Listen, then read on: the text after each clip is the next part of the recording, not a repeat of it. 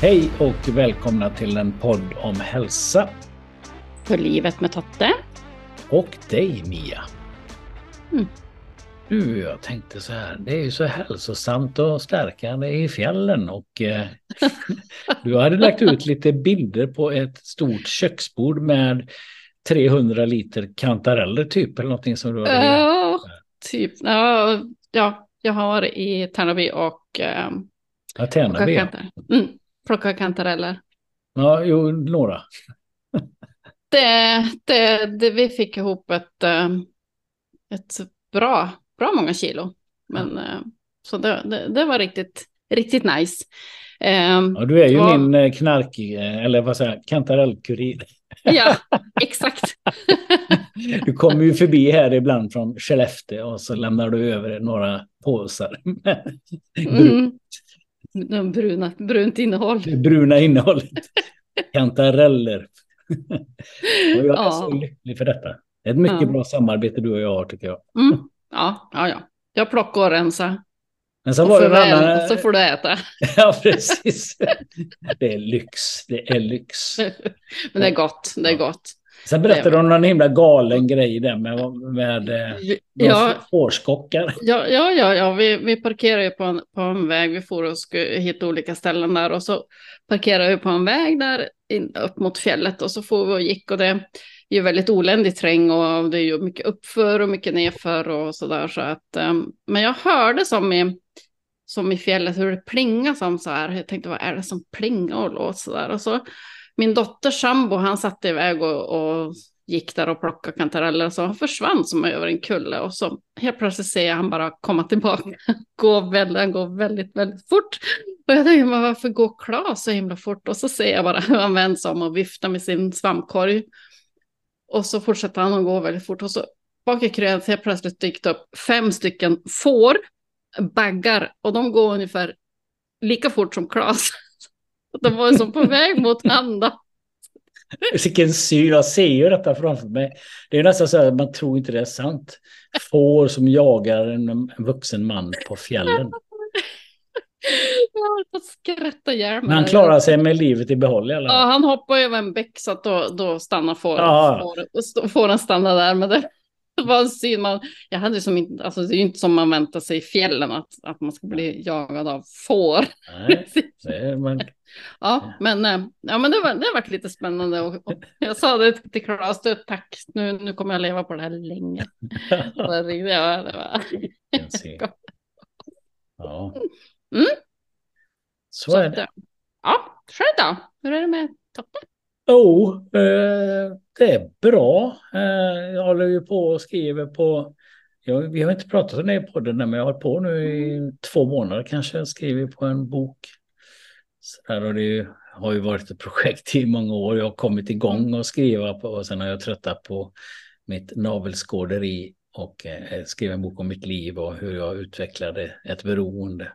Men nu har det ju utvecklats till så mycket mer så att eh, jag är väl uppe i över 200 sidor och jag är 24-25 år kanske. Det lär ju bli tusen sidor innan jag, kommer, innan jag ens är 50 och jag är snart 60. Så att, nej, men det har, det, har varit en, det är en process som jag gräver Mm. i mitt förflutna som är eh, någon slags inventering av vem jag är och varför det har blivit som det har blivit, varför jag har gjort som jag har gjort. Det är väldigt intressant och vilka, vilken funktion olika för ett eh, beteende har fyllt i mitt liv. Det jag jobbar med idag med klienter. Att varför gör vi som vi gör? Det finns alltid en anledning. Så att det ploppar upp väldigt mycket intressanta tankar och reflektioner kring livet och sådär. Ja, Mm. Ja, men det, det är nyttigt att få ner sin livshistoria ja sen älskar jag ju att skriva och språket så att jag får ju Mm. liksom både liksom en, jag gör ju en resa i mig själv någonstans. Men Ja. så, är det, så det, det har jag kommit igång med nu i alla fall ordentligt. Eh, Och Mm. ihållande. Innan har jag lagt av efter en vecka och han har på i två månader. Nästan dagligdags faktiskt. Skriver lite grann här då och då. Så är det. Mm. Men eh, idag har vi ju ytterligare ett avsnitt. Ja, det har vi. Och det är ju en eh, person vi båda kände till sedan innan i sedan det. Mycket från Instagram var nog första gången jag träffade på honom. Eller såg hans namn så att säga. Då heter, han heter ju Herr Aspartam. Mm, precis. Där och eh, han heter ju egentligen Erik Dunåker. Har ju nu en podd också tillsammans med Jakob Gudjol som vi har haft gäst eh, här också bland annat. Mm. Eh. Precis, och vi, vi pratar bland annat eh, fetmamediciner. Mm. Lite grann liksom stigmatisering så att, kring det här liksom med fetma och mm. att man ställer olika patientgrupper emot varandra nu. Det har ju varit en del tjafs som jag läste senast idag. Att diabetes är ju diabetesmedicin. Men vi ska inte gå in så mycket på detaljerna Nej. för då vi ska inte föregå det han säger. Nej, Nej absolut Jag inte. tänker att vi lämnar över ord och bild till, eh, till Erik och våra frågor till honom. Det gör vi. Hej och välkommen till vår podd Erik. Tack så mycket. Kul att du kunde vara med. Ja, men kul att man får vara med. Prata ja. lite kost och hälsa är alltid, alltid trevligt. Alltid roligt. Jag tänkte att du kan väl börja med att berätta lite om dig själv, din bakgrund och utbildning och vad du jobbar med idag och så. Ja, absolut. Eh, Erik Dunåker heter jag. Eh, jag är eh, legitimerad dietist vid Göteborgs universitet. Eh, det brukar man väl säga. I alla fall vilket universitet man, man är utbildad vid. Eh, och har väl ett stort intresse inom kost och hälsa. Därför blev det, eh, blev det dietist. Jag var lite inne på fysioterapeut ett, ett tag som många träningsintresserade men eh, sen, sen ja, blev det mer och mer kost med eh, med tiden och kände, kände att det blev rätt. Så att, eh, har pluggat tre år där med eh, lite extra kurser vid sidan om och sådär också för att eh, få, lite, få lite annat, lite andra kostkurser och sådär och lite någon sociala mediekurs och sånt där, fake news jag läser ju från Stockholms universitet också. Eh, så. Eh, och jag har jobbat på öron hals på Sahlgrenska sjukhuset i två år, mycket med cancerpatienter med eh, patienter då som har svårt att få i sig den mat och näring de, de behöver. Oftast är det någon slags som cancer som jag sa, att man eh, har opererat bort en del av tungan eller en del av halsen, eh, kanske någon del av gommen eller tandkött och sådär och då gör det att man dels efter operationen ska man inte äta eh, allting utan man ska kanske börja med flytande eller ingenting alls och sen trappar man upp konsistenserna och, och eh, ibland kan man börja äta helt normalt igen och ibland så får man, eh, kan man inte äta alla konsistenser riktigt utan måste utan måste eh, anpassa kosten lite och sådär. Eh, så det har jag jobbat ett par år och senaste året kan man väl säga har jag jobbat i Motala på en medicinklinik och medicinklinik för de som inte riktigt vet vad medicin är är väl någon slags slask höll jag på att säga men allting som är lite oklart med mycket liksom mycket hormon, diabetes, eh, ja, ja, allting i stort sett höll man på där. Så jag jobbade med eh, mag-tarmpatienter, jag jobbade med eh, neurologi, en del stroke, eh, lite ALS, eh, Parkinson, eh, lite viktnedgång också, eh, obesitasbehandling och eh, KOL var inne lite på också sådär. Så att lite allt möjligt helt enkelt. En bred bred klientel med andra ord. Ja, men exakt. Mm. De som jobbar på sjukhus vet ju att det är medicinpatienterna som, som slussas runt eh, mm. och eh, det kan vara lite allt möjligt, möjligt där. Och sedan två veckor tillbaka, någonting sånt där, har jag jobbat på Yasen som är en obesitasbehandlingsklinik på nätet kan man säga. Där vi jobbar med tillsammans med, med läkemedelsbehandling för Eh, obesitas så jobbar vi med, med viktnedgång för att patienterna ska få en, en bättre hälsa helt enkelt. Eh, och eh, sådär. Så då är det stöttning med kost även här. Mm. På, på Sahlgrenska och på Motala lasarett så har det varit att patienterna i de allra flesta fall inte får i sig det de, de behöver och då får man liksom jobba med konsistens, man får jobba med energiberikning, eh, justera vissa näringsämnen så att de få lite mer av vissa näringsämnen eller lite mindre och sådär. Men eh, nu är det lite omvänt så nu är det ju patienter som eh, behöver dra ner på sitt energiintag eh, för att skapa en kalorirestriktion då som det heter och på så sätt gå ner i vikt. Eh, så det är ungefär där jag har varit liksom rent arbetsmässigt. Ja. Utöver detta så har jag en, eh, en podd tillsammans med Jakob Gudiol, Linnea Bärbring och eh, Caroline Melleberg. Så en fysio, en dietist och en läkare. Hälsoveckan Eh. Tyngre. Exakt, exakt. Där vi Mm. varje vecka snackar om någonting, oftast aktuellt, ibland kan det vara en gäst och sådär, eller någon liten, något litet klipp vi har sett som vi vill kommentera. Men eh, oftast är det ganska lättsamt, eh, sådär, ibland djupdyker vi lite, lite längre ner i kostens underbara värld. Men eh, oftast så försöker vi hålla det hyfsat lättsamt så.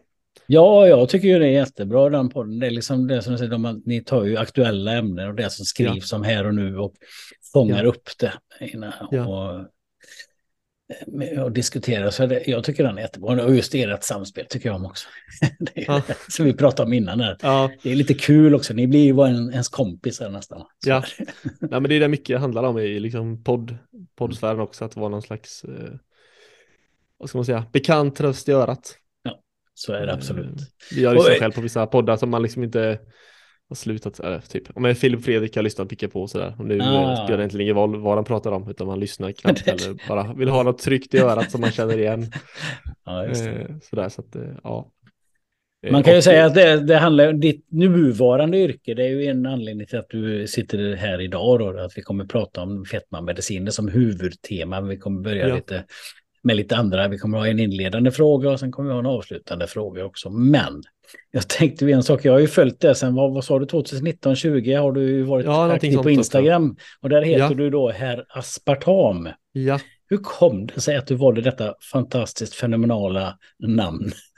Eh, nej men här kommer från herr och fru eh, som vi brukar kalla det. Det var prästen eh, som eh, under, under tiden vi skulle planera lite bröllop eh, och sådär så eh, hade vi lite samtal med han och eh, inför bröllopet tror jag att vi köpte någonstans runt 90 liter aspartam sötad läsk, någonting sådant. Och eh, ja, det blev helt enkelt herr och fru aspartam när han skulle någon Jaha. slags eh, nickname till oss. Så att, eh, på den vägen är det. Och så behövde jag något namn. Hela Instagram-kontot startade i stort sett att jag hade ja, mitt privata, där är jag ju inte inne alls nu längre knappt, men mitt privata Instagram-konto där jag hade en kalender där jag spräckte kostmyter eh, innan eh, julafton kan man säga. Där folk fick, jag hade ett påstående och så fick folk säga sant eller falskt. Och eh, Nice. folk hade väldigt lite koll på det här, men de tyckte det var väldigt int- intressant i alla fall. Så att jag tog det vidare till ett, eh, till ett eget kostkonto. Och då blev det namnet Herr Aspartam då. Jag tänker att det namnet i sig är ju, det är ju lysande på det viset att det, det är ju ingen som liksom inte reagerar på just aspartam är ju så oms, mytomspunnet kan man Ja, nästan ja. säga. Så, så jag tänker, fick du väldigt många följare väldigt snabbt här på detta? Det är lite så här. Nej, inte direkt. Alltså, I början är man väldigt, eh, man är ganska beroende av att ha lite kontakter. Vad kan jag ha tagit med mig? Hundra kanske från mitt, så här, lite vänner, bekanta, släktingar och sådär. Eh, och sen så hade jag väldigt snälla kompisar på programmet. Jag pluggade i dietistprogrammet under den tiden då. Som tipsade lite om kontot och då fick man eh, ett tiotal därifrån och som var uppe på två, tre, eh, 400 så småningom. Eh, Men i början lever man egentligen egentligen bara på tips och liksom Mm. eh, halvt kontakter. Mm. De, jag hade väl väldigt nördiga inlägg i början innan man eh, Ja men det är lite så här, kanske lite för nördiga. Man går in på Ja. molekylnivå, det är ingen som bryr sig riktigt om Nej, koffeinets det blir inte klickbart. Nej men exakt. Men efter ett tag så man slösar väl bort, om man kan säga så, men man skaffar sig en liten bank på eh, 10-15 inlägg och sen råkar någon komma in på en Mm. Eh, och tycker att det här är ett gediget jobb, för jag la ju otroligt mycket tid på det. Jag la ju i stort sett lika mycket tid på Instagram-kontot som jag gjorde på själva utbildningen. Eh, man liksom, man hade sina föreläsningar och sen gick jag hem och sen eh, läste jag på med annat typ och sen la jag ut eller djup, djup, djupdök i det man skulle liksom. Vad var drivkraften liksom med, med detta, som du ser det? Ganska enkel att egentligen bara lära mig mer själv. Och ska jag då liksom presentera det till någon annan så så, vet, så tvingas jag också lära mig lite extra och läsa på djupt. Så att eh, det är väl liksom, eh, ska du lära ett ämne så är det väl bäst att läsa det på, på någon slags skola så att du ändå får göra ett test då. Ja. Eh, och lite så var ju tanken här också då. Så att skriva ett ämne som ska få plats på 2000 eller 2200 tecken. Så att folk kan begripa det på hyfsat kort tid. Och sen ja, får man svara på lite frågor sådär kring, kring ämnet ofta. Och ja. i de flesta fall ska man väl säga är, är det ju mest medårs, men ibland kan det komma, jag vet att jag skrev ett inlägg om eh, Game Changer, den dokumentären på ja, Netflix där, och då, då kom det in lite liksom eh, veganer där som var väldigt så tryckte på. Jag, jag, tycker att man kan ha otroligt bra argument för att vara vegan, både liksom mm. eh, miljömässigt och eh, etiskt mot djur och sådär. Eh, men att dra det liksom till 100% att vegankost är överlägset allt annat när det gäller näringslära. Då tycker jag att man drar lite för långt. Men det tyckte, det var några som tyckte att man det, det kan man visst göra. Så då blev det lite diskussioner och då får man verkligen gå in och grotta de här studierna som, eh, som de delar med sig av och jag får visa vad jag tar min, min fakta ifrån och sådär. Och så blir det någon slags bra diskussion där ändå, tycker jag. Mm. Eh, eller bra diskussion på det sättet att jag lär mig mycket. Mm. Eh, och förhoppningsvis så, ja, de kanske lyssnar lite, men framförallt så får jag ju läsa ännu mer. Eh. Oftast går det inte att övertyga någon som är, är, är övertygad. Nej, så Nej men exakt. Och sen lär man sig argumentationsteknik ganska bra ja. där. Ja. Jag är hyfsad på att svara ganska sakligt och inte bli så upprörd över saker och ting.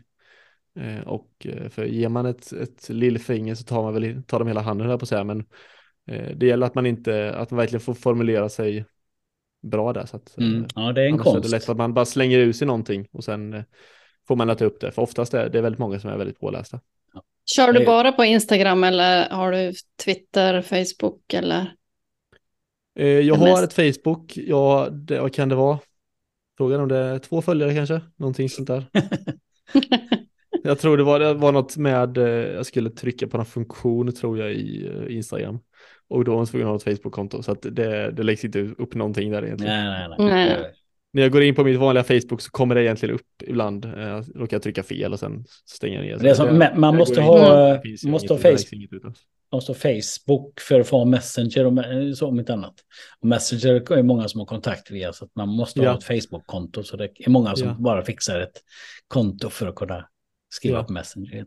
Men eh, där finns jag ju i praktiken inte. Nej, du, du, Nej. Så, utan det är bara Instagram och det tar, det är bara Instagram. Mm. tar ändå hyfsat mycket tid. Ja. Eh, och sen är det fortfarande någonting som inte är liksom, jag har haft lite konsultuppdrag och lite föreläsningar och eh, några samarbeten och sådär också. Syssla, utan det har varit eh, kliniska jobb på sjukhus då. Mm. Eller i det här fallet sista nu i ASEAN som har eh, gett mig intäkter. Så man kan betala, betala hyran och mm. eh, ge barnen något slags käk och sådär. Det är ju en bas, eh, basal grej där. Du, jag tänker vi drar igång eh, med avsnittet. Vi har ju en inledande fråga innan vi går in på just fetmamediciner. Eh, och vi pratar om det här med saltintag. Det finns så mycket tankar och åsikter kring det, vad som gäller. Vad finns det för riktlinjer idag kring saltintaget och vad säger forskningen och, och så vidare. Vad har du att säga om den biten? Ja, alltså det finns ju rekommendation som ja, NNR, Nordiska näringsrekommendationer, har gett och som jag även tror att WHO står bakom. Och det är 6 gram salt eh, per dag. Eh, och det motsvarar 2,4 gram natrium. Och natrium är då det i saltet som vi eh, inte vill ha för mycket av. Så det är egentligen natriumet som är problemet. Och då har man ju sett både i liksom eh, sådana här interventionsstudier och observationsstudier att för mycket salt eh, för de flesta påverkar blodtrycket negativt och ett högt blodtryck eh, ökar risken för, för hjärt och kärlsjukdom. Eh, dessutom så innehåll finns det liksom, det är liksom den evidensbaserade grunden. Sen så när man äter mycket salt så får man också i sig mycket, liksom, lite sämre livsmedel Eh, ibland får jag frågan vilket livs eller vilken diet skulle du förespråka liksom, om du skulle hitta på egen diet. Eh, och då, då, då sneglar jag ganska ofta på någon slags mindre saltdiet för att mycket av den lite sämre och näringsfattigare maten vi äter innehåller eh, eh mycket salt. Eh, ofta mycket salt och mättat fett och sådär. Så att, eh, det är oftast liksom steg nummer ett. Eh, vill man göra något åt sin kost så kanske bara välja fullkornsprodukter och äta mindre salt. Då har man kommit lång bit på, på vägen skulle jag säga. Ja, jag tänker att jag tänker saltintaget är där att man också kan, vi pratade innan observationsstudier, är det, kan man, vad är det för studier man har dragit de här slutsatserna ifrån? Ja, alltså då har man ju kollat på observationsstudier mässigt så har man ju kollat på, på folk som äter mycket salt och sen får man ju då eh, dels se på, på dödlighet och dels se på de här eh, som man gör framför allt i interventionsstudier. Interventionsstudier är alltså studier där man har ändrat ett beteende hos en viss grupp. Eh, och då är det inte alltid man kan man kan se, eller oftast inte, kan man, kan man inte se liksom på dödlighet, för då måste du följa dem väldigt länge. Mm. Eh, och sen liksom utfallet blir eh, mortalitet och som blir alltså död inom en viss, viss tid. Alla ska ju dö, liksom. Vi måste ju dö någonting. Eh, men eh, i de här studierna då så kan man till exempel kolla på, eh, på de här markörerna för hjärt och kärlsjukdom som, som kolesterol och blodtryck och sådana här saker som, som man vet på sikt korrelerar väldigt bra med, med risken att insjukna. Mm. Mm. Olika infarkter och sådär. Om vi går vidare nu då på själva huvudämnet, om vi säger fetmamediciner som vi ska prata om. Ja. Om vi börjar med, det mäts ju i kroppsfettet, eller vi mäts ju i BMI. Ja. Och jag tänker, är det ett bra mått att mäta kroppsfettet? Eh, generellt sett så är det ett väldigt bra, inte minst när man kollar på observationsstudier. Eh, när man pratar BMI så det står det för Body Mass Index. Och det är alltså att man eh, tar sin vikt och sen delar man den eh, på sin längd Eh, i meter upphöjt till två. Eh, så får man, liksom, får man ett, en siffra. Eh, och där finns det lite olika värden. Det som vi har som normalvikt är 18,5 till 25 och sen finns det en överviktskategori som är mellan 25 och 30 och sen finns det uppåt över där är obesitas då, eller tidigare kallad fetma i olika grader. och det är de här, de här gränserna då som är lite omtvistade Mm. Och eh, det man kan säga där är väl att eh, man i de flesta fall eh, får, fångar in de som har en övervikt eller, eller framförallt fetma då som, eller obesitas som har den stora riskökningen. Men det finns ju, finns ju liksom lite undantag att man skulle kunna ha ett BMI 25 eller framförallt 26 då, men ändå ha liksom en lite mindre kroppsfettsprocent eh, och vara liksom i praktiken inte ha någon ökad risk för, för eh, ja, de, här, de här delarna. Det finns ju, har man ett högt BMI så, eller en hög fettprocent så har man lite ökad risk för cancer och hjärt och kärlsjukdom eh, och, och, och flera olika sjukdomar och sådär. Eh, men den här gruppen då som är, som är, vad ska man säga, falskt överviktiga eh, är ganska liten. De flesta är snarare tvärtom då att man har ett BMI på 24 man egentligen har man en alldeles för mycket fett på kroppen för, för hälsans skull då. Så att det är snarare oftast de som är i ett normalt BMI som, som är fel, felkategoriserade snarare än de som har lite, lite högt BMI då. Ja, du kan ju väga 70 kilo och ha en väldigt hög andel och vara 1,80 eller 1,75 lång och ha väldigt hög andel fettmassa och väldigt liten andel ja. muskelmassa. Och då är det det andelen fettmassa som är riskfaktorn i det, ja. i, i, det hela. Så att, och den syns ju inte på utsidan. Eh, när man ser, när man ser normalvikt ut, men andelen fett är ju hög. Eller procentandelen fett är ju hög då. Och det är de då du menar man, man missar där helt enkelt för att de kommer liksom lite undan ja. här. Att ja, men de ligger ju på normal vikt. Ja. Eh, och men har en hög andel. Det finns ju också någonting man kallar för skinny fat. Eh, att många eh, modeller, vet du, man pratar om förr, liksom de som kanske vägde 55 kilo och 1,75 långa hade ändå en väldigt hög andel fettprocent. De hade ingen, väldigt liten muskelmassa till exempel. Och mycket det här jojo-bantningen, att man bantade sig ner och inte tränade någonting och, och inte hade mycket muskelmassa. Och de är väl också en grupp som man kan tänka att ja, men de, de är ju inte feta. och de är inte övervikt, eller de har ju inte en vikt på vågen som är hög, men de har en andel fett som är hög och det är med samma med de normalviktiga, eller en bodybuilder då. Eh, jag har nog 23-24 tror jag BMI, men jag har ungefär 9 i kroppsfett. Ja. Och det är ju väldigt lågt. Så att, och det är också så de som avviker med 95 procent som du säger ungefär. Ish, nu drar vi det ur röven, men eh, just att det är den stora delen så träffar BMI ändå rätt eller? Ja, ja men det kan och det är därför, det är därför man ser det i studier. Man kan liksom man kan kolla på det på populationsnivå eh, med de här sakerna och se mm. att det, det korrelerar väldigt bra. Eh, och sen så är det alltid varje enskilt fall så kan man diskutera, eh, men generellt sett så är det liksom är det ett, ett fungerande mått. Ja, för det är ju rätt utskällt och sådär, ja men man ska inte bry sig om BMI.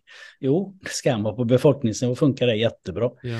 Man identifierar de som har en hög fett och har obesitas framförallt funkar det ju väldigt bra på.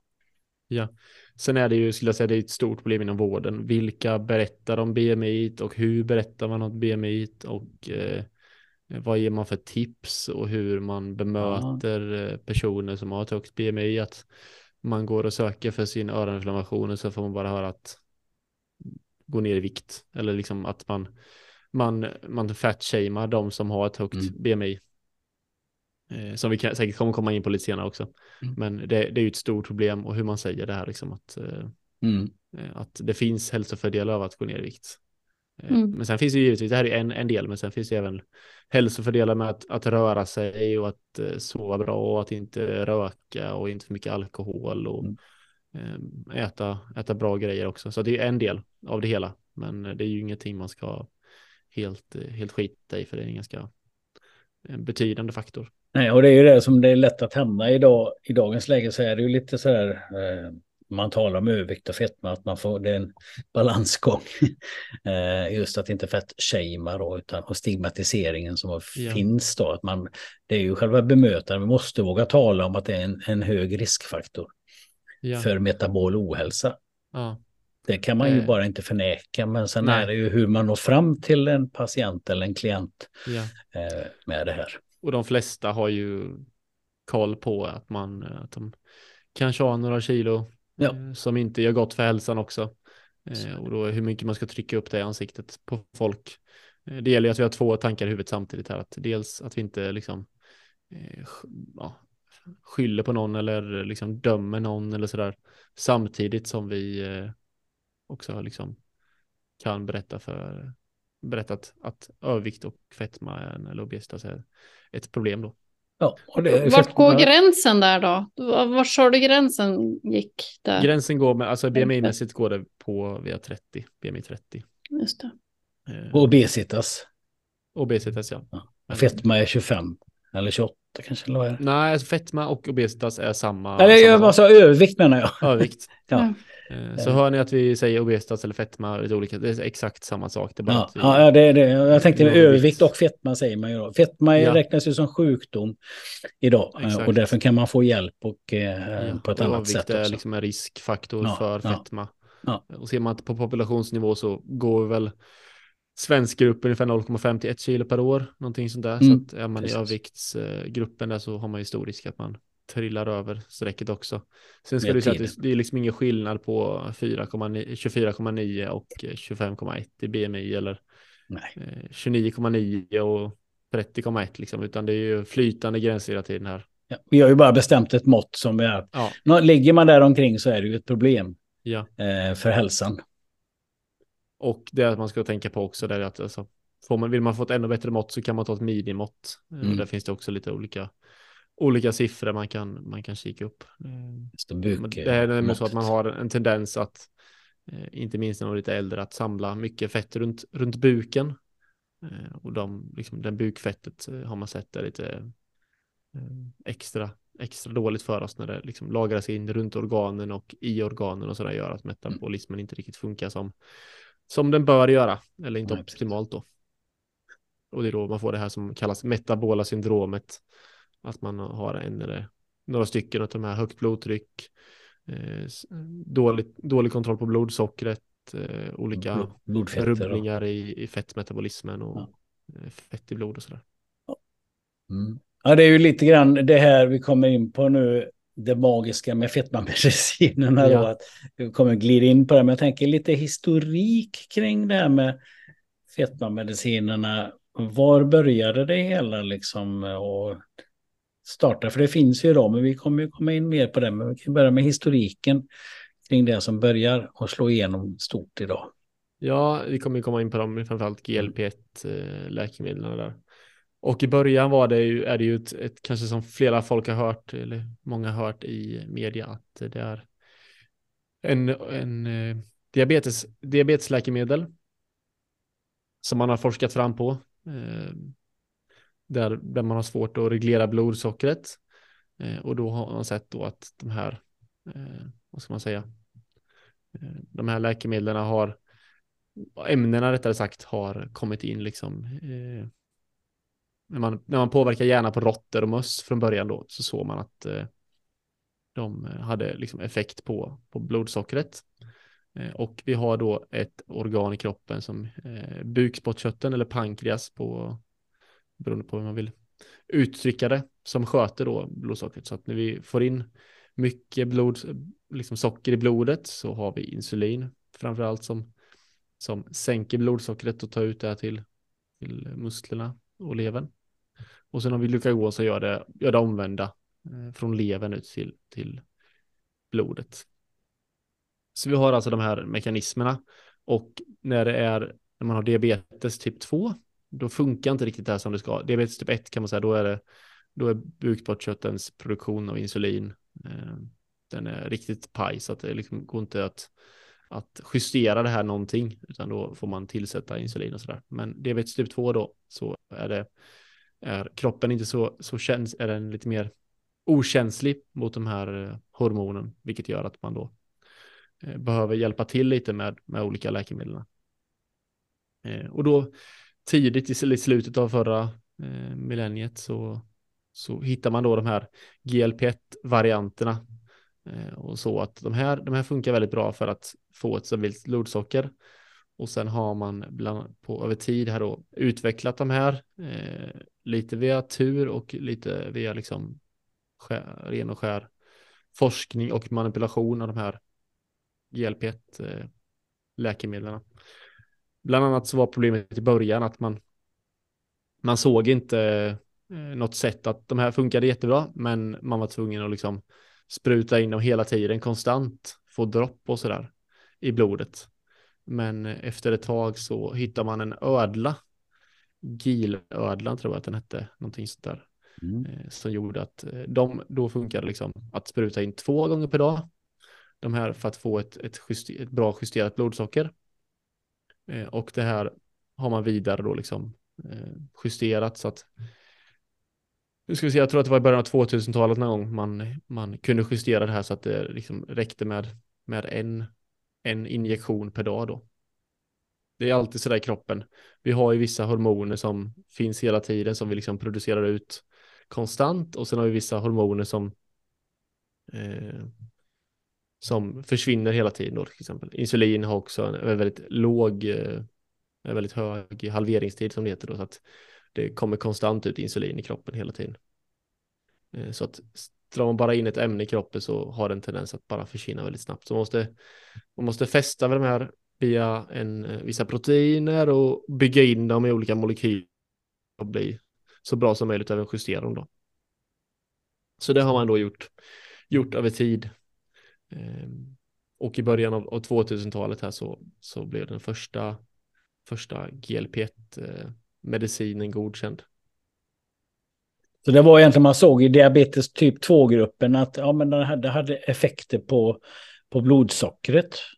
Och ja. vikten också då? Ja, men exakt. Ja. Det blir väl lite av en bieffekt ja. av de här läkemedlen. Att man såg att eh, vikten på något sätt gick ner också. Mm. Eh, så 2010, bara så att vi får siffrorna rätt, så, så godkändes eh, eh Victosa då, ett, ett GLP-1 eh, Det finns ju, det, kommer, det finns ju många olika namn på dels de här molekylerna och så finns det också, mm.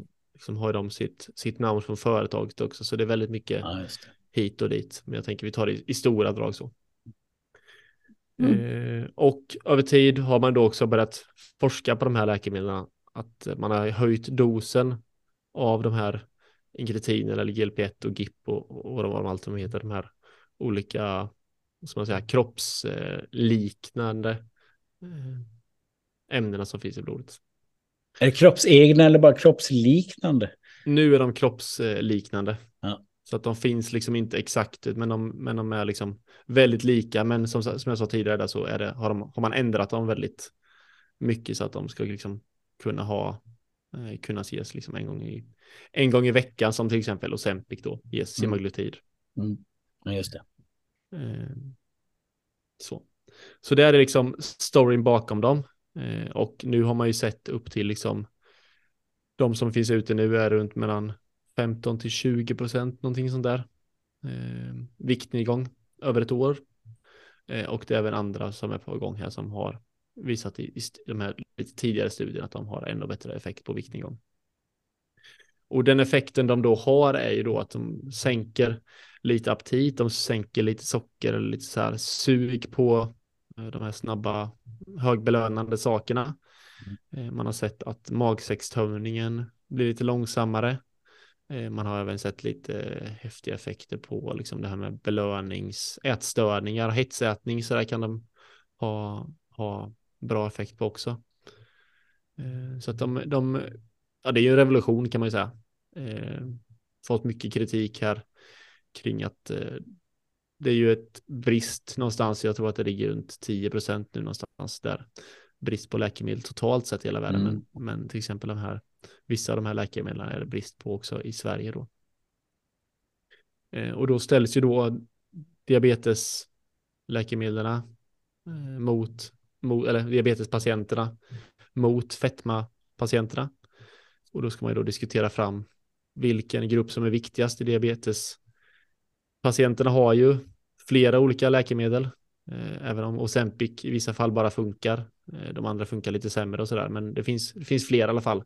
Medan vi har då den stora fetma, eh, obesitasgruppen då som, som, ja, vi har ju inga liksom verksamma ämnen som fungerar på, på riktigt då.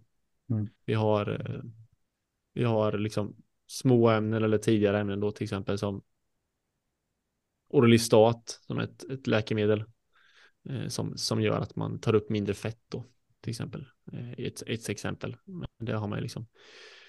Kan man få lite gasbesvär, oljediarréer och sådana grejer också. Så att det finns några sådana mekaniska läkemedel, men inte de här effektiva GLP-läkemedlen. Hur, hur många av de här effektiva finns ute idag? Är det två, tre sorter eller är det? Tre, fyra någonstans i Sverige. Okay. Eh, och sen är det ju några som inte har kommit beroende på hur man räknar.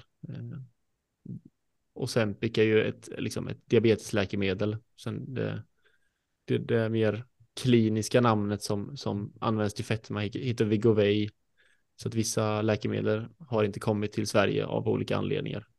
Eh, det är ju en eh, bransch som styrs av mycket pengar och eh, då har väl företagen växlat om lite vilka läkemedel de vill göra, vill göra och tillverka till olika länder och så där. Det är mycket läkemedelsavtal och så där. Men det, det är släppt för er eh, mediciner i andra länder, eller? Ja, det är finns det? vissa ja. som, eh, som eh, finns i andra.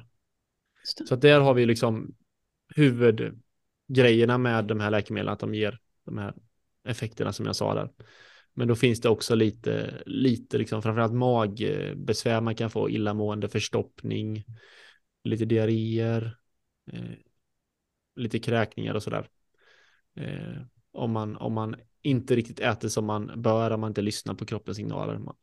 Sen ska man till exempel minska lite på fett och sådana här saker för att eh, de här läkemedlen gör att man får en långsammare magsäckstömning, vilket gör att eh, liksom, som man säga, maten stannar längre i magen. Och när man då äter fett så stannar också kroppen, liksom, maten längre i magen, vilket gör att de här 1 plus 1 inte alltid blir så bra. Eh, man bara fyller på, fyller på, fyller på. Så att eh, man får då kostråd. Eh, parallellt med medicin. Parallellt med de här. Och det är väl det du egentligen jobbar lite med, med att ge de här kostråden till Ja. de patienterna numera. Exakt. Så jag jobbar jag mycket med, med patienternas och dels, det ska man säga direkt att för vissa patienter så krävs det egentligen bara en medicin och sen går man ner mycket. Mm. Eh, och för vissa patienter så eh, behöver man jobba mer, liksom. det är en kalorirestriktion som krävs, det är mindre kalorier än vad man gör av med som, som krävs, men, men det har eh, personer med obesitas hört väldigt mycket, liksom. det är bara äta, äta mindre och träna mer. Eh, Men det funkar liksom inte i praktiken. Dels vanor, men framförallt så har kroppen många försvarsmekanismer mot viktnedgång. Så att det är liksom som steg ett där. Mm. Eh, Så att det jobbar vi mycket med, med att eh, få dem att äta ett, eh, ett hä- hälsosamt kostmönster. Och då är det de här vanliga grejerna som, som man hör dietister och eh, liksom man har rekommendationer kring det är ju fullkornsprodukter som dels har bra, bra effekt på eh, blodvärden, alltså de här riskerna för, för hjärt och kärlsjukdom som blir bra påverkade bara genom fullkorn. Mm. Och sen har vi liksom bra fetter i form av fisk och oljor, avokado, nötter och sådär. Vi har även eh, eh, liksom prata, prata kalorirestriktion då och det kan man göra via liksom mer frukt och grönsaker och eh, sådär också. Så att vi jobbar mycket med liksom de här vanliga stora grejerna utöver och de, de grejerna går väldigt bra tillsammans ofta med, med att äta lite mindre. Och väljer man bra grejer så får man också i sig mer näring också, vilket gör att det motverkar liksom, näringsbrist. Du kan ju gå ner i vikt och bara käka hallon, Mm. hallon också, eller hallon, eh, geléhallon också. Mm. Men problemet med det är att du inte får i dig någon näring och då ska du stå på de här läkemedlen eh, under längre tid så behöver vi ju näring också. Mm. Så att eh, få dem att äta en eh, näringsrik kost samtidigt som de går ner i vikt. Eh, Det jobbar mycket med. Och sen eh, så handlar det mycket om beteendeförändringar där man får stötta. Ja, precis. Så det är det jag tänker att Mm. parallellt, medicinen är ju underbar, liksom då, att den sätter igång Ja. en process och man får liksom hjälp och man kanske tappar aptiten, som jag träffade en vän här för någon... Eller sänker några- aptiten i alla fall. säga. sänker aptiten, ja, precis. I hans fall då så berättade han att han bara tappat aptiten och åt inte, hade inte alls den här cravings eh, längre och hade gått ner ganska många kilo på ganska kort tid då. Det är individuellt, det är olika som vi pratar om innan Ja. hur mycket man gör då, men samtidigt då parallellt med att man också jobbar med beteendeförändring, för det är ju det att du ska få en livsstil sen som är där du äter nyttig, näringsriktig mat, så att säga, där du Ja. får i dig den energi och de fetter som är bra för Ja. för hälsan och så vidare. Så det, det, många kanske tänker att ja, men de bara tar mediciner så har de löst det, trycker på en knapp Ja. och så magisk lösning. Utan det här handlar ju om en livsstilsomläggning och det är inte vem som helst som får de här medicinerna heller. Det är inte eh, Olle som väger 77 kilo och, och har en målvikt på 65. Nej, och det är liksom, det är ju eh, fetmabehandling riktar sig till de som har BMI 27 då, eh, Mm. övervikt. Eh, eller med fetmaläkemedlen då. Som, som vi på Yasen förskriver. Och då ska man också ha någon av de här som ingår i metabola syndromet. Man ska ha liksom eh, höjda kolesterolvärden Mm. eller eh, eh, problem med blodsockret och sådana saker. För man ska få. Men annars är det ju ett, ett BMI som är obesitas då, på Mm. över 30. Mm. Eh, så att man, eh, man ska ha rätt till att få förskrivet också. Sådär. Och tyvärr är det så att idag, i dagsläget så betalar ju betalar man för sin egen medicin. Ja, och att, eh, eh, vad, vad får man betala ungefär? De Per flesta, månad. flesta runt en tusenlapp. Sen beror lite på om det är något liksom särskilt, eh, särskilt eh, variant och sådär. Men eh, Tu- Tusen oftast kronor en tusenlapp. Det finns eh, den som har liksom lite sämre effekt kan man få betala eh, två, två, två tusen för. Någonting Mm. sådär, två, tre tusen. Eh, Hur men länge måste jag ta den en här medicinen då? Hur länge måste jag Ja, ta den? alltså som man ser det ut nu så verkar det ju som att man ska ta den tills vidare. Eh, precis som eh, högt blodtryck där man tar liksom, får läkemedel mot det så är det ju, är ju kroniskt Mm. räknas ju obesitas som. Så att få för en bra effekt så är det ju eh, ja, tills vidare helt enkelt. Sen kan man ju då diskutera att okej, jag går ner till en, en målvikt eh, på ett hälsosamt BMI om man har lyckats liksom strax före. Och då kanske man på sikt kan liksom börja trappa ut eller att man kanske kan halvera dosen och sådär. Eh, beroende på. Det är ju liksom ett, ett eh, trixande lite med hur mycket beteendeförändringar man har lyckats med och sådana grejer också. Och sen på sikt hoppas vi att de här, de här blir liksom subventionerade Ja, så att vi det är precis det jag tänkte. fullpris för dem. Liksom. Detta det blir lite klassfråga nästan också då. Att vem har råd att betala Ja, det här? Sen är det ju, tänker jag, att okej, slutar man äta alla den här skräpmaten, eh, köper hela tiden den och det, man kanske börjar käka lite annorlunda och man, man köper inte någonting sådär bara på stört så kanske det, matkostnaden kanske ändå går ner. ja, ja, men det gör den absolut. Du får ju igen pengarna. Ja, eh, du får ju, jag menar det. Framförallt det i dessa tider också när det har liksom runnit iväg. plus minus noll liksom kanske ändå Ja. i slutändan då. eh, Med att man Mm. kostar kanske en tusing i månaden men matkostnaderna kommer Ja. inte att vara lika stora heller. Ja, men exakt. Eh, och nu, är jag är ju superjävig men jag tycker att det är ett fantastiskt, liksom, en fantastisk eh, obesiktningsrådgivare. Men vi, har, vi tar ju liksom en kostnad på, eh, på cirka 1000 kronor för, för vår tjänst då på YACN när man får liksom tillgång till eh, en, eh, en duktig legitimerad personal med läkare och sen finns det även stöttning av dietist och psykolog och sådär för att det är mycket beteendeförändring. Ja. Eh, och sen är det då läkemedel man betalar själv. Ja, det är ju fantastiskt pris tycker Mm. jag. Så jag är kostrådgivare och är- jobbar som det. och Ja, Inte men säg att det billigare. är 2000 där. Då är det liksom, Ja. med tanke på ökade matkostnader och sen äter du, säg att du äter en tredjedel mindre, du vet, då får du igen det här ganska snabbt. Och sen en Precis. bättre hälsa på det. Och vad är Så värt att- mest? Det är ju Ja, men exakt. Mm. Eh, och sen har man det jätteknapert ekonomiskt och sådär, så då är det klart att man får tänka sig lite extra, men det blir ju en, en billigare,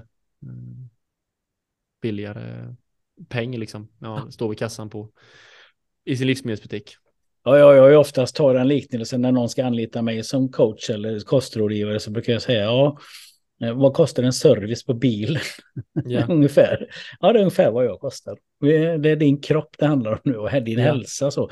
Men oftast är ju människor lite så här, nej men jag fixar det på egen hand då. ja, För det klarar jag. Eh, Jag går ner i vikt på egen hand, det, det behöver jag inte betala något för. Eh, Och det är lite grann det att hälsan är ju det enda viktigaste vi har. Få många Ja. inser det och det är värt alla pengar i världen.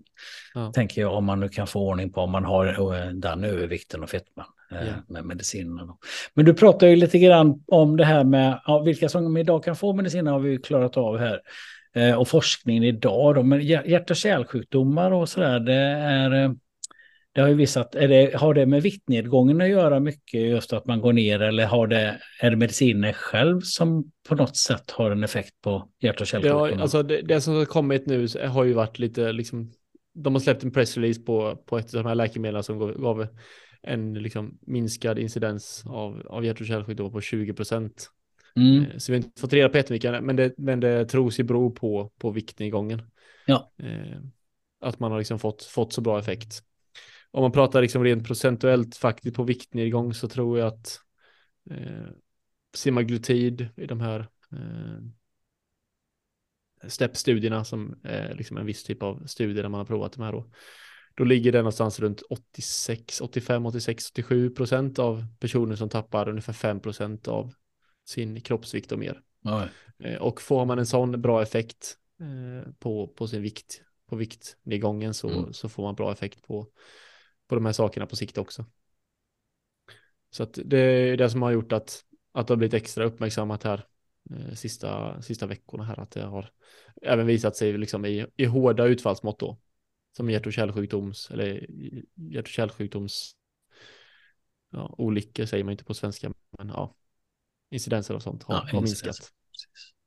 Och det är, det är då klart, det, det där är ju någonting som är mätbart. Eh, Ja, exakt. Och man kan verkligen kan se att, ja, men det, titta här vilken effekt det är. Och då kan man ju inte blunda för effekterna av att okej, men han ska inte få medicin. Det är ju lite grann det, det som jag skulle vilja prata med. Varför tror du så många, man hör ju väldigt mycket så här negativa röster om det här med fetman. Det är bara att liksom ta tag i livet och disciplin och den här Ja. gamla klassiska. Mm. Det blir den här stigmatiseringsgrejen att det är bara, det är bara och så vidare. Vad Ja. har du för tankar kring och det är biten? jättelätt att säga, säga det om man har en uppstyrd kropp som inte är sugen på mat dygnet runt Mm.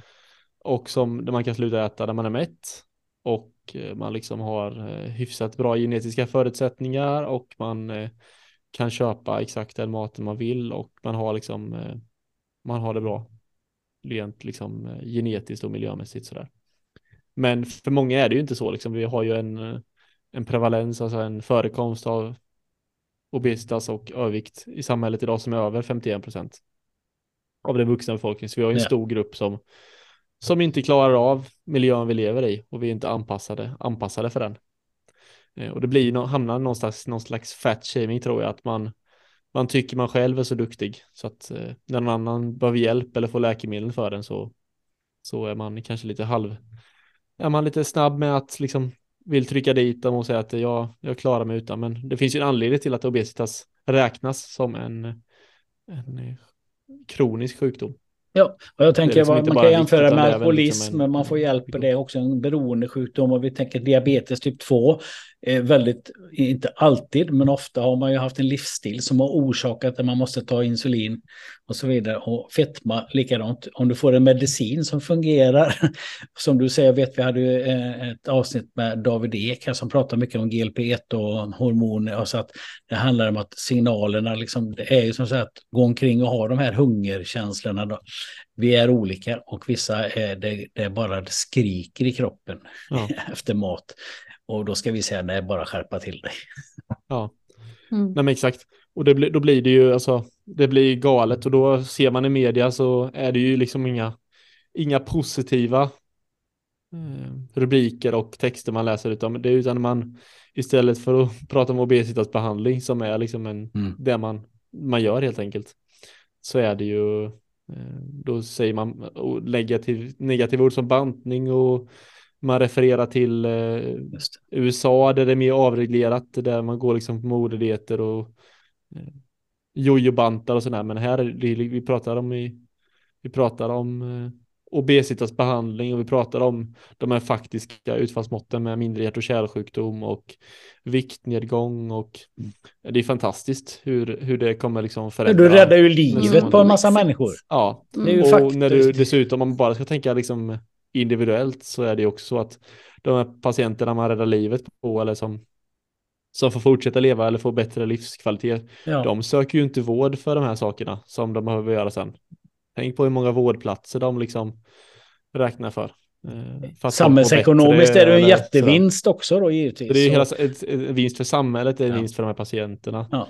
Eh, som, som tar de här läkemedlen och sådär också. Så det är ju, nej det är väldigt eh, deppigt att det ska vara sån eh, negativ klang. Moraliserandet mm. som är ja. liksom, och det är väl alltid det här att vi ska göra det liksom och kämpa och så. Ja. Då tar man ju inte hänsyn till individen och om jag, om du tänker att du har en farbror eller ma maka eller maka eller någonting som har massa riskfaktorer för olika mm. eh, cancer och hjärt-kärlinfarkt alltså allting och du kan få liksom den här personen att gå ner med mediciner och få ordning på sitt liv. Samtidigt ändra, göra en kostomläggning, att börja äta nyttigt på vägen. Eh, och så, jag förstår liksom inte, eller ja, det gör jag väl egentligen, för det här är ju inget ovanligt, men det, det, det är som du säger, det är tråkigt att det blir ja. lite grann den diskussionen, att det ja. inte är okej, okay, att det blir det här moraliserandet. Ja, mm. och det är någon slags, man vill lyfta upp sig själv också, att man har själv gjort alla mm. rätt, men egentligen så har du haft ganska mycket tur också liksom. Ja, genetiska eh, faktorer och... Ja, man, vill inte, ja. man vill inte säga att dit man har kommit att det har varit mycket tur, utan man vill, man vill liksom ge credit till sig själv. jag har ju faktiskt jag har bra moral och karaktär, så därför har jag klarat det. Ja, men exakt. Och du har dålig, underförstått då, så har ju du dålig karaktär, en ja, dålig människa mm. som inte klarar det. Ja. ja. Men hur, hur kan en sån här behandling gå till då? Kan du beskriva lite? Du kom till doktorn och så får du medicin och så. Ja, men jag, kan, jag, jag är inte insatt i hur eh, liksom. Nej, men jag tänkte hur men, ditt arbete ser ut ja, sen då. Så ser det ut så att man, eh, man kommer till, eh, man ansöker till oss på tjänsten. Där man får träffa en sjuksköterska via vår, vår app. Och där får man information om hur tjänsten fungerar.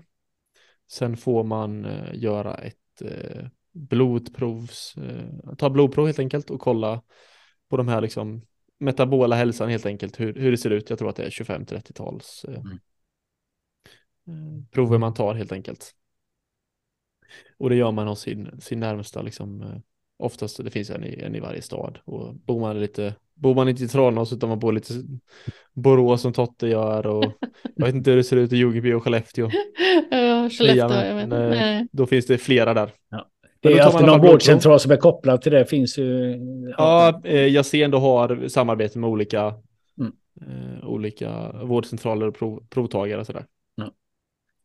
Eh, och då tar man de här eh, olika eh, blodproverna. En bedömning huruvida man är lämplig för tjänsten eller inte. Eh, det kan vara så att man, man inte uppfyller eh, BMI 30 eller man inte har liksom BMI 27 eller att man inte har man mår bra kanske att ha BMI 27 då ska du inte ha, ha tjänsten. Du ska ju liksom inte, du ska ha rätt till det så att säga.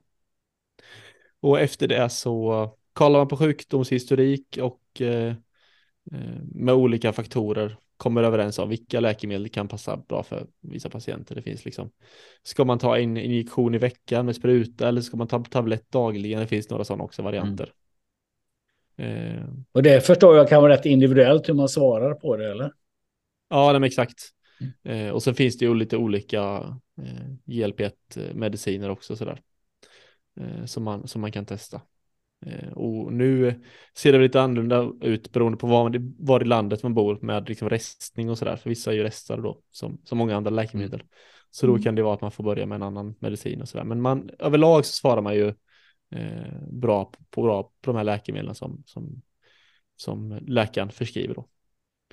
Eh, och sen börjar man ta medicinen eh, en gång i veckan till exempel då. Och sen har man, eh, får man på, på vårt, eh, på Yasen då får man eh, i kontakt, kommer man i kontakt med en eh, så kallad Yasen-coach kallar vi det. Eh, som är en dietist eller sjuksköterska eller någon annan som är väldigt lämplig för det här, som har väldigt stor kompetens. Och sen har man kontakt med sin läkare då. Och sen finns även vi, vi dietister och psykologer som när det behövs. Eh, för liksom eh, en liksom mer expert, eh, expertroll.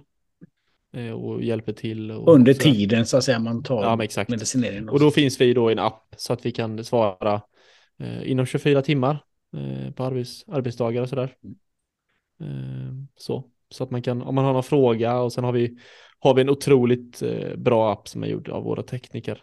Där man eh, kan läsa mycket om patientmaterial. Eh, så att man, har man en fråga kring illamående så har vi liksom en artikel om det och har man fråga kring någon, någon annan biverkning så har vi artikel runt det eller hur man ska äta och mellanmålsförslag, lunchförslag, frukostförslag. Eh, vi har eh, en receptbank som, som en kollega till mig har gjort. Eh, ja, vi har även ett community där man får träffa andra som gör samma resa med, med de här läkemedlen. Så att det är, eh, nej, det är otroligt eh, proffsigt så. Mm. Och Mm. där, det kan man även stötta varandra i de här community då liksom. Eh, och sen följer man sin viktkurva eh, och får bolla med, med läkare och, och sin, eh, sin kontakt på Yasen. Allt eftersom hur det går och sådär. Mm. Så det är en helt digital tjänst och man svarar och skriver när man kan, vilket passar eh, de allra, allra flesta jättebra. Eh, vi svarar när vi kan och de svarar när vi kan och sådär. Så att det, det brukar vara väldigt upp, uppskattat. Annars blir det det här med att man har liksom ett videosamtal och sen ska vi dels hitta tid för det, att avsätta en halvtimme och sen ska någon gå ifrån jobbet en halvtimme och sådär. Eh, Det är ju den här tillgängligheten som öppnar för att man liksom, man har en kort fråga så kan man få ett, ett, ett bra svar ganska snabbt. Mm. Eh, Man, alla vet väl hur svårt det är att få tag på en läkare Ja. Nej, men jag tänker det låter som ett, liksom- väldigt, ja, det är jättebra att du förklarar det här för många tror jag undrar rent praktiskt hur, hur går Ja. det här till och vad gör jag man tar kontakt med det. Och du pratar här i början om att eh, du använder ordet revolution och det är lite så jag också tänker kring det här. Men finns det någon eh, fara att det här på något sätt kan visa sig? För man gör väl, forskar ju rätt mycket på det fortfarande och det är väl själv, självmordsfrekvensen och sådana saker som man också tittar på olika saker. Eller vad, vad, vad, Ja. vad tror du själv? man har inte liksom? sett någonting sådant än. De här, ska jag säga så att de här är inga nya, de här medicinerna, utan Nej. det man har gjort är att man har lite högre dos än tidigare. Så man har ju liksom en, en Just det. bra risk, eh, risk, eh, liksom, man har kunnat göra en bra riskanalys på det så. Ja. Så det, som du säger, det är ju inte någonting som är idag, utan det här har ju pågått länge. Ja, att dosökningen i sig kan Ja. ha någon slags riskfaktor då, Ja. eh, men inte sannolikt kanske. Nej, det, det Nej. eh, inte från den vetenskapen jag har läst liksom. Nej. Och biverkningarna var inte så mycket heller, utan hur var det med dem du nämnde? Ja, det hörde jag inte vad du sa. Biverkningarna, hur var det med, med dem där? Du nämnde Nej, de är ganska snabbt. lätta generellt sett Ja. de går ju ofta liksom, sköter man sin kost som man, man Ja. ska så är det, är det ju inte jätteofta problem i alla fall. Nej. Eh, Så, utan det är oftast liksom precis som man gör en gastric bypass eller sådär. Det är ju liksom en, ett tecken på att man kanske ska ändra något i sin kost. Ja, just det. eh, Kroppen mår bra. Så att det, är, det är mer ett, ett En tecken. omställningsfas Exakt, exakt. kan man säga. Och det man ska säga där också är att ibland så kan man ju, ja men pratar jag aspartam med någon liksom en patient, eller inte patient, aspartam med en, en bekant eller på, på Instagram eller sådär. Så kan det ju vara att, ja men eh, vatten är bäst, alltså en kontrollgrupp är bättre än att dricka aspartam. Det vet vi säkert. Men vi vet med säkerhet att eh, obesitas eh, i olika, liksom, olika grader uppåt i BMI-skalan är har en ökad risk. Så att kontrollgruppen på att inte ta de här läkemedlen, det vet vi är, Mm. funkar väldigt dåligt på sikt.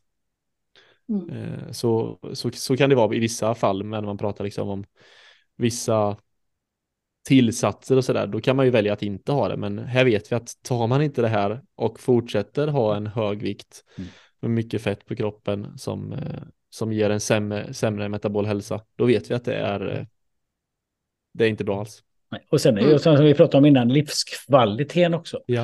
Eh, Det även om man har dåliga värden, hälsomarkörer och så vidare, så tänker jag livskvaliteten med att gå ner i Ja. vikt, det blir ju så mycket Och mer det finns, också. ju, det finns ju hundratals eh, anledningar till. Eh, om det kan vara att man inte man har problem, man kanske inte kan rida längre för att man har Nej, eh, knyta skorna, som att säger. Man, man kan inte leka med sina barn, knyta skorna.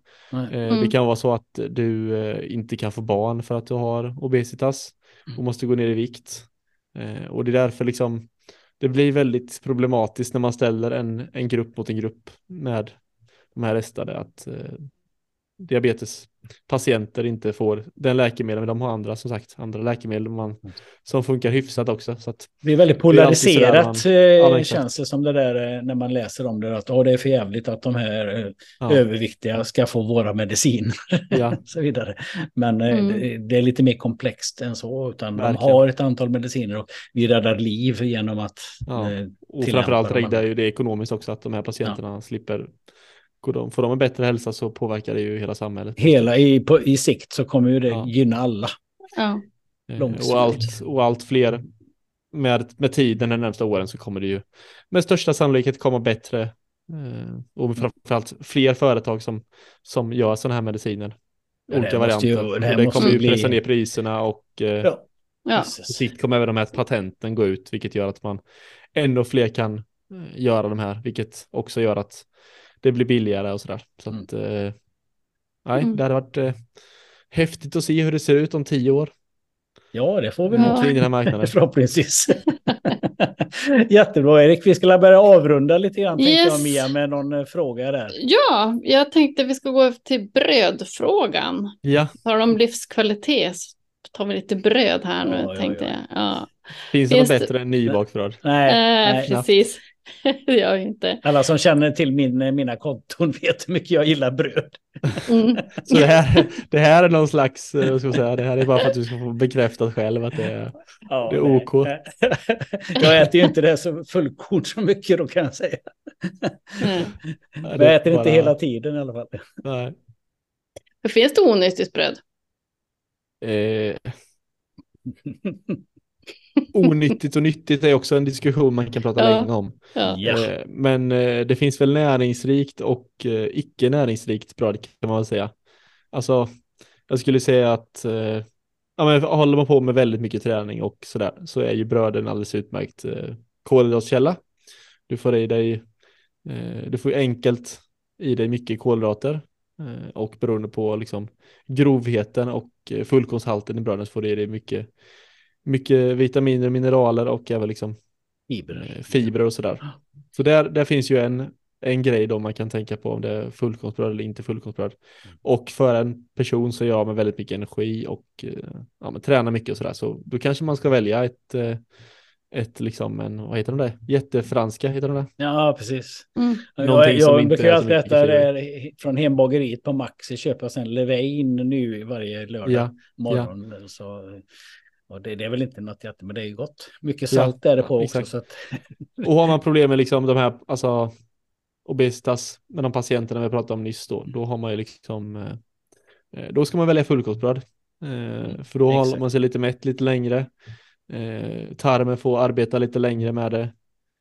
Och man liksom blir inte lika, lika hungrig lika snabbt och sådär.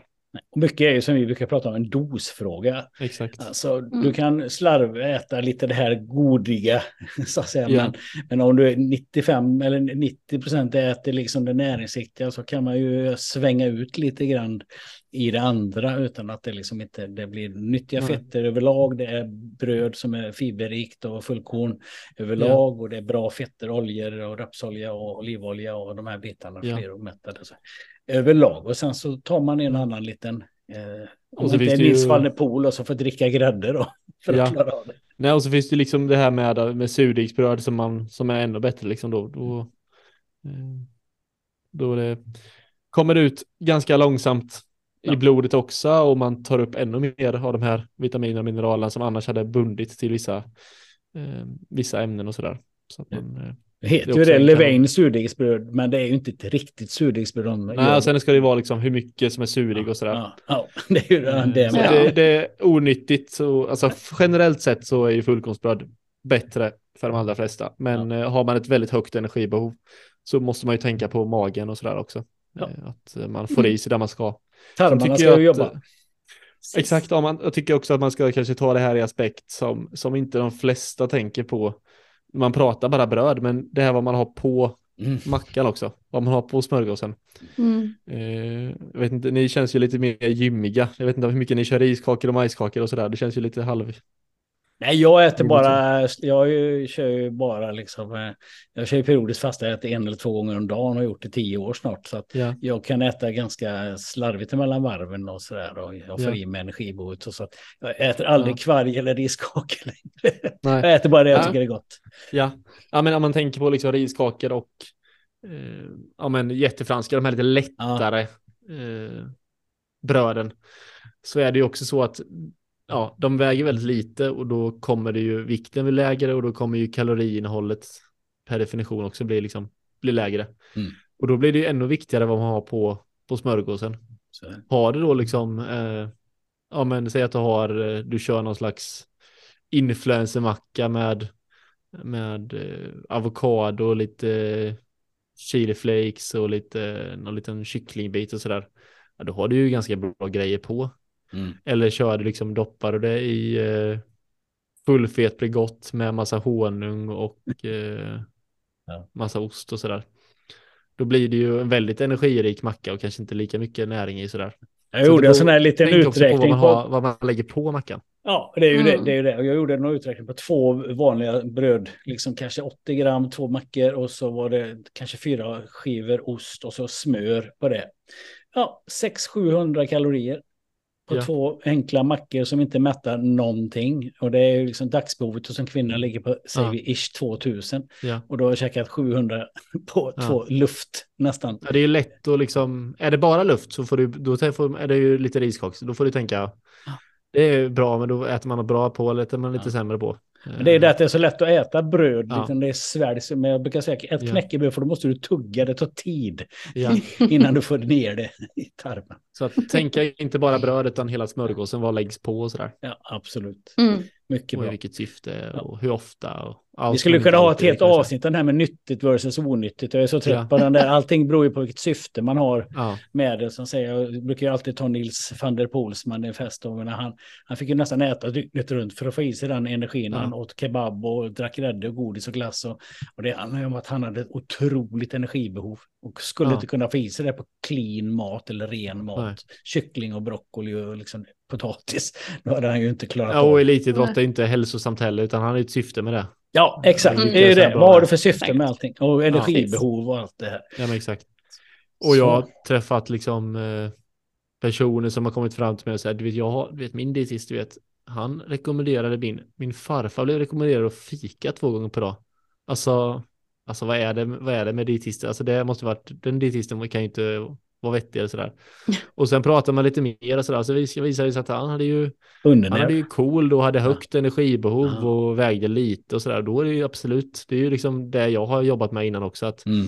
Eh, då blir det liksom primära är bara att personen inte ska gå ner i vikt och tappa muskler och sådär utan eh, så att det är väldigt mycket individuellt som jag har pratat om här liksom att försöka individanpassa. Ja, det är ju som jag har. Mm. Jag har väldigt få klienter som har under, som vill gå upp i vikt. Men då är det bara ät choklad, eh, drick olja, Ja. ät nötter. Eh, Ja. så, då får du i dig väldigt mycket energi på väldigt liten volym. Ja. Eh, utan att bli proppmätt. Så att det, det är helt och hållet beroende på personer och individu individuella preferenser. Ja. Nåväl Mia, vi har en Mm. sista fråga va? Sista frågan. Eh, tre tips för en hälsa för livet. Hälsa för livet. Eh, välj, eh, vi kan väl säga välj bra bröd, fullkornsbröd. eh, och sen så kan vi väl säga att eh, frukt är jättebra också. Eh, kötta på med frukten, ganska lite energi i, eh, mycket bra näring, det håller dig, det håller dig eh, mätt länge. Och eh, den eh, sista tipset är väl sov kanske skulle jag säga. Sömnen ja. Sömn Mm. är ju, det är väl det häftigaste eller på att säga. Säger man som dietist men, men sova Mm. är ju otroligt häftigt hur man liksom man har ju sett i studier när man låter, lite, låter folk sova lite mindre att de äter ju spontant mycket mer. Mm. Och man ser, i, man ser att, att personer kan gå ner i vikt bara av att öka sin sömn. Ja. Och det, vi Och pratade med Christian, blir- inte, Christian Benedikt har ju med ett avsnitt, pratar ju mycket om det där med att det inte är sömnen i sig som gör att du är i vikt, det är impulskontrollen och de olika Ja, sakerna, att du liksom exakt. klarar inte av att motstå och äta massa skit Ja. för du blir på det viset. Så det är ju det med sömnen, jag, jag brukar säga att det är naturlig doping. Ja, Alltså om du sköter sömnen och då kommer resultaten i gymmet också. Om du slarvar med, med sömnen så, så blir det inte lika bra där heller. Så det finns nej. bara och det är, ju, det är lättare då att äta bra mat när man, när man sover mycket. Och Ja. ja. det är ju då är det kanske beteendet att inte ha telefonen vid nattduksbordet och ligga med den alldeles för länge utan eh, Hur ser det ut med din egen sömn då? Funkar det eller? ja, den är ett haveri eller på att säga. Nej, men två småbarn. Ja, jag tänkte ju säga det. Du har ju Ja. barn. Ja. Det är bara att acceptera den perioden att det kommer inte fungera hur den försöker. Ja, nej, exakt. Första tiden Nej. efter eh, första tiden så jag och min fru fick väl välja lite på egen tid eller sömn och då valde vi egen tid eller att man liksom skulle få lite att göra. Men nu, Ja. eh, nu får vi prioritera sömnen här lite för att man ska orka med. Man blir Ja. ju, humöret blir betydligt bättre också när man har sovit bra också. Ja. Så att, Mm. och man vill ju vara en så bra förälder som möjligt så att då det, får man vänta. Ja, det är en finns- ständig balansgång i det. Exakt, det kommer finnas tid för att göra allt det där man... Jag och Mia, vi är ju närmare oss ju de 60 då, så jag sa att vi, vi, är, vi, är, ju så här, vi är ju riktigt sjuka när det gäller sömn. Vi går och lägger oss mellan 7 och 8 Ja, och jag går upp vid 3. ja det Ja, fyra, fyra Ja. för mig ungefär. Ja, jag går upp lite Mm. tidigare. Så. Och så sk- skriver jag kostschema, går ut och tränar och springer och allting. Sen är allting gjort. ja. Så, att, eh, så, så ser det ut. Men det är många år kvar dit för dig, Erik. Ja, men det, jag har inte ens kommit förbi 30 än, jag på att säga. Snart. Jag ser fram emot det ljuva livet. Ja, exakt. Kunna Det, sova. det, det kommer, det kommer. Ja. Mm.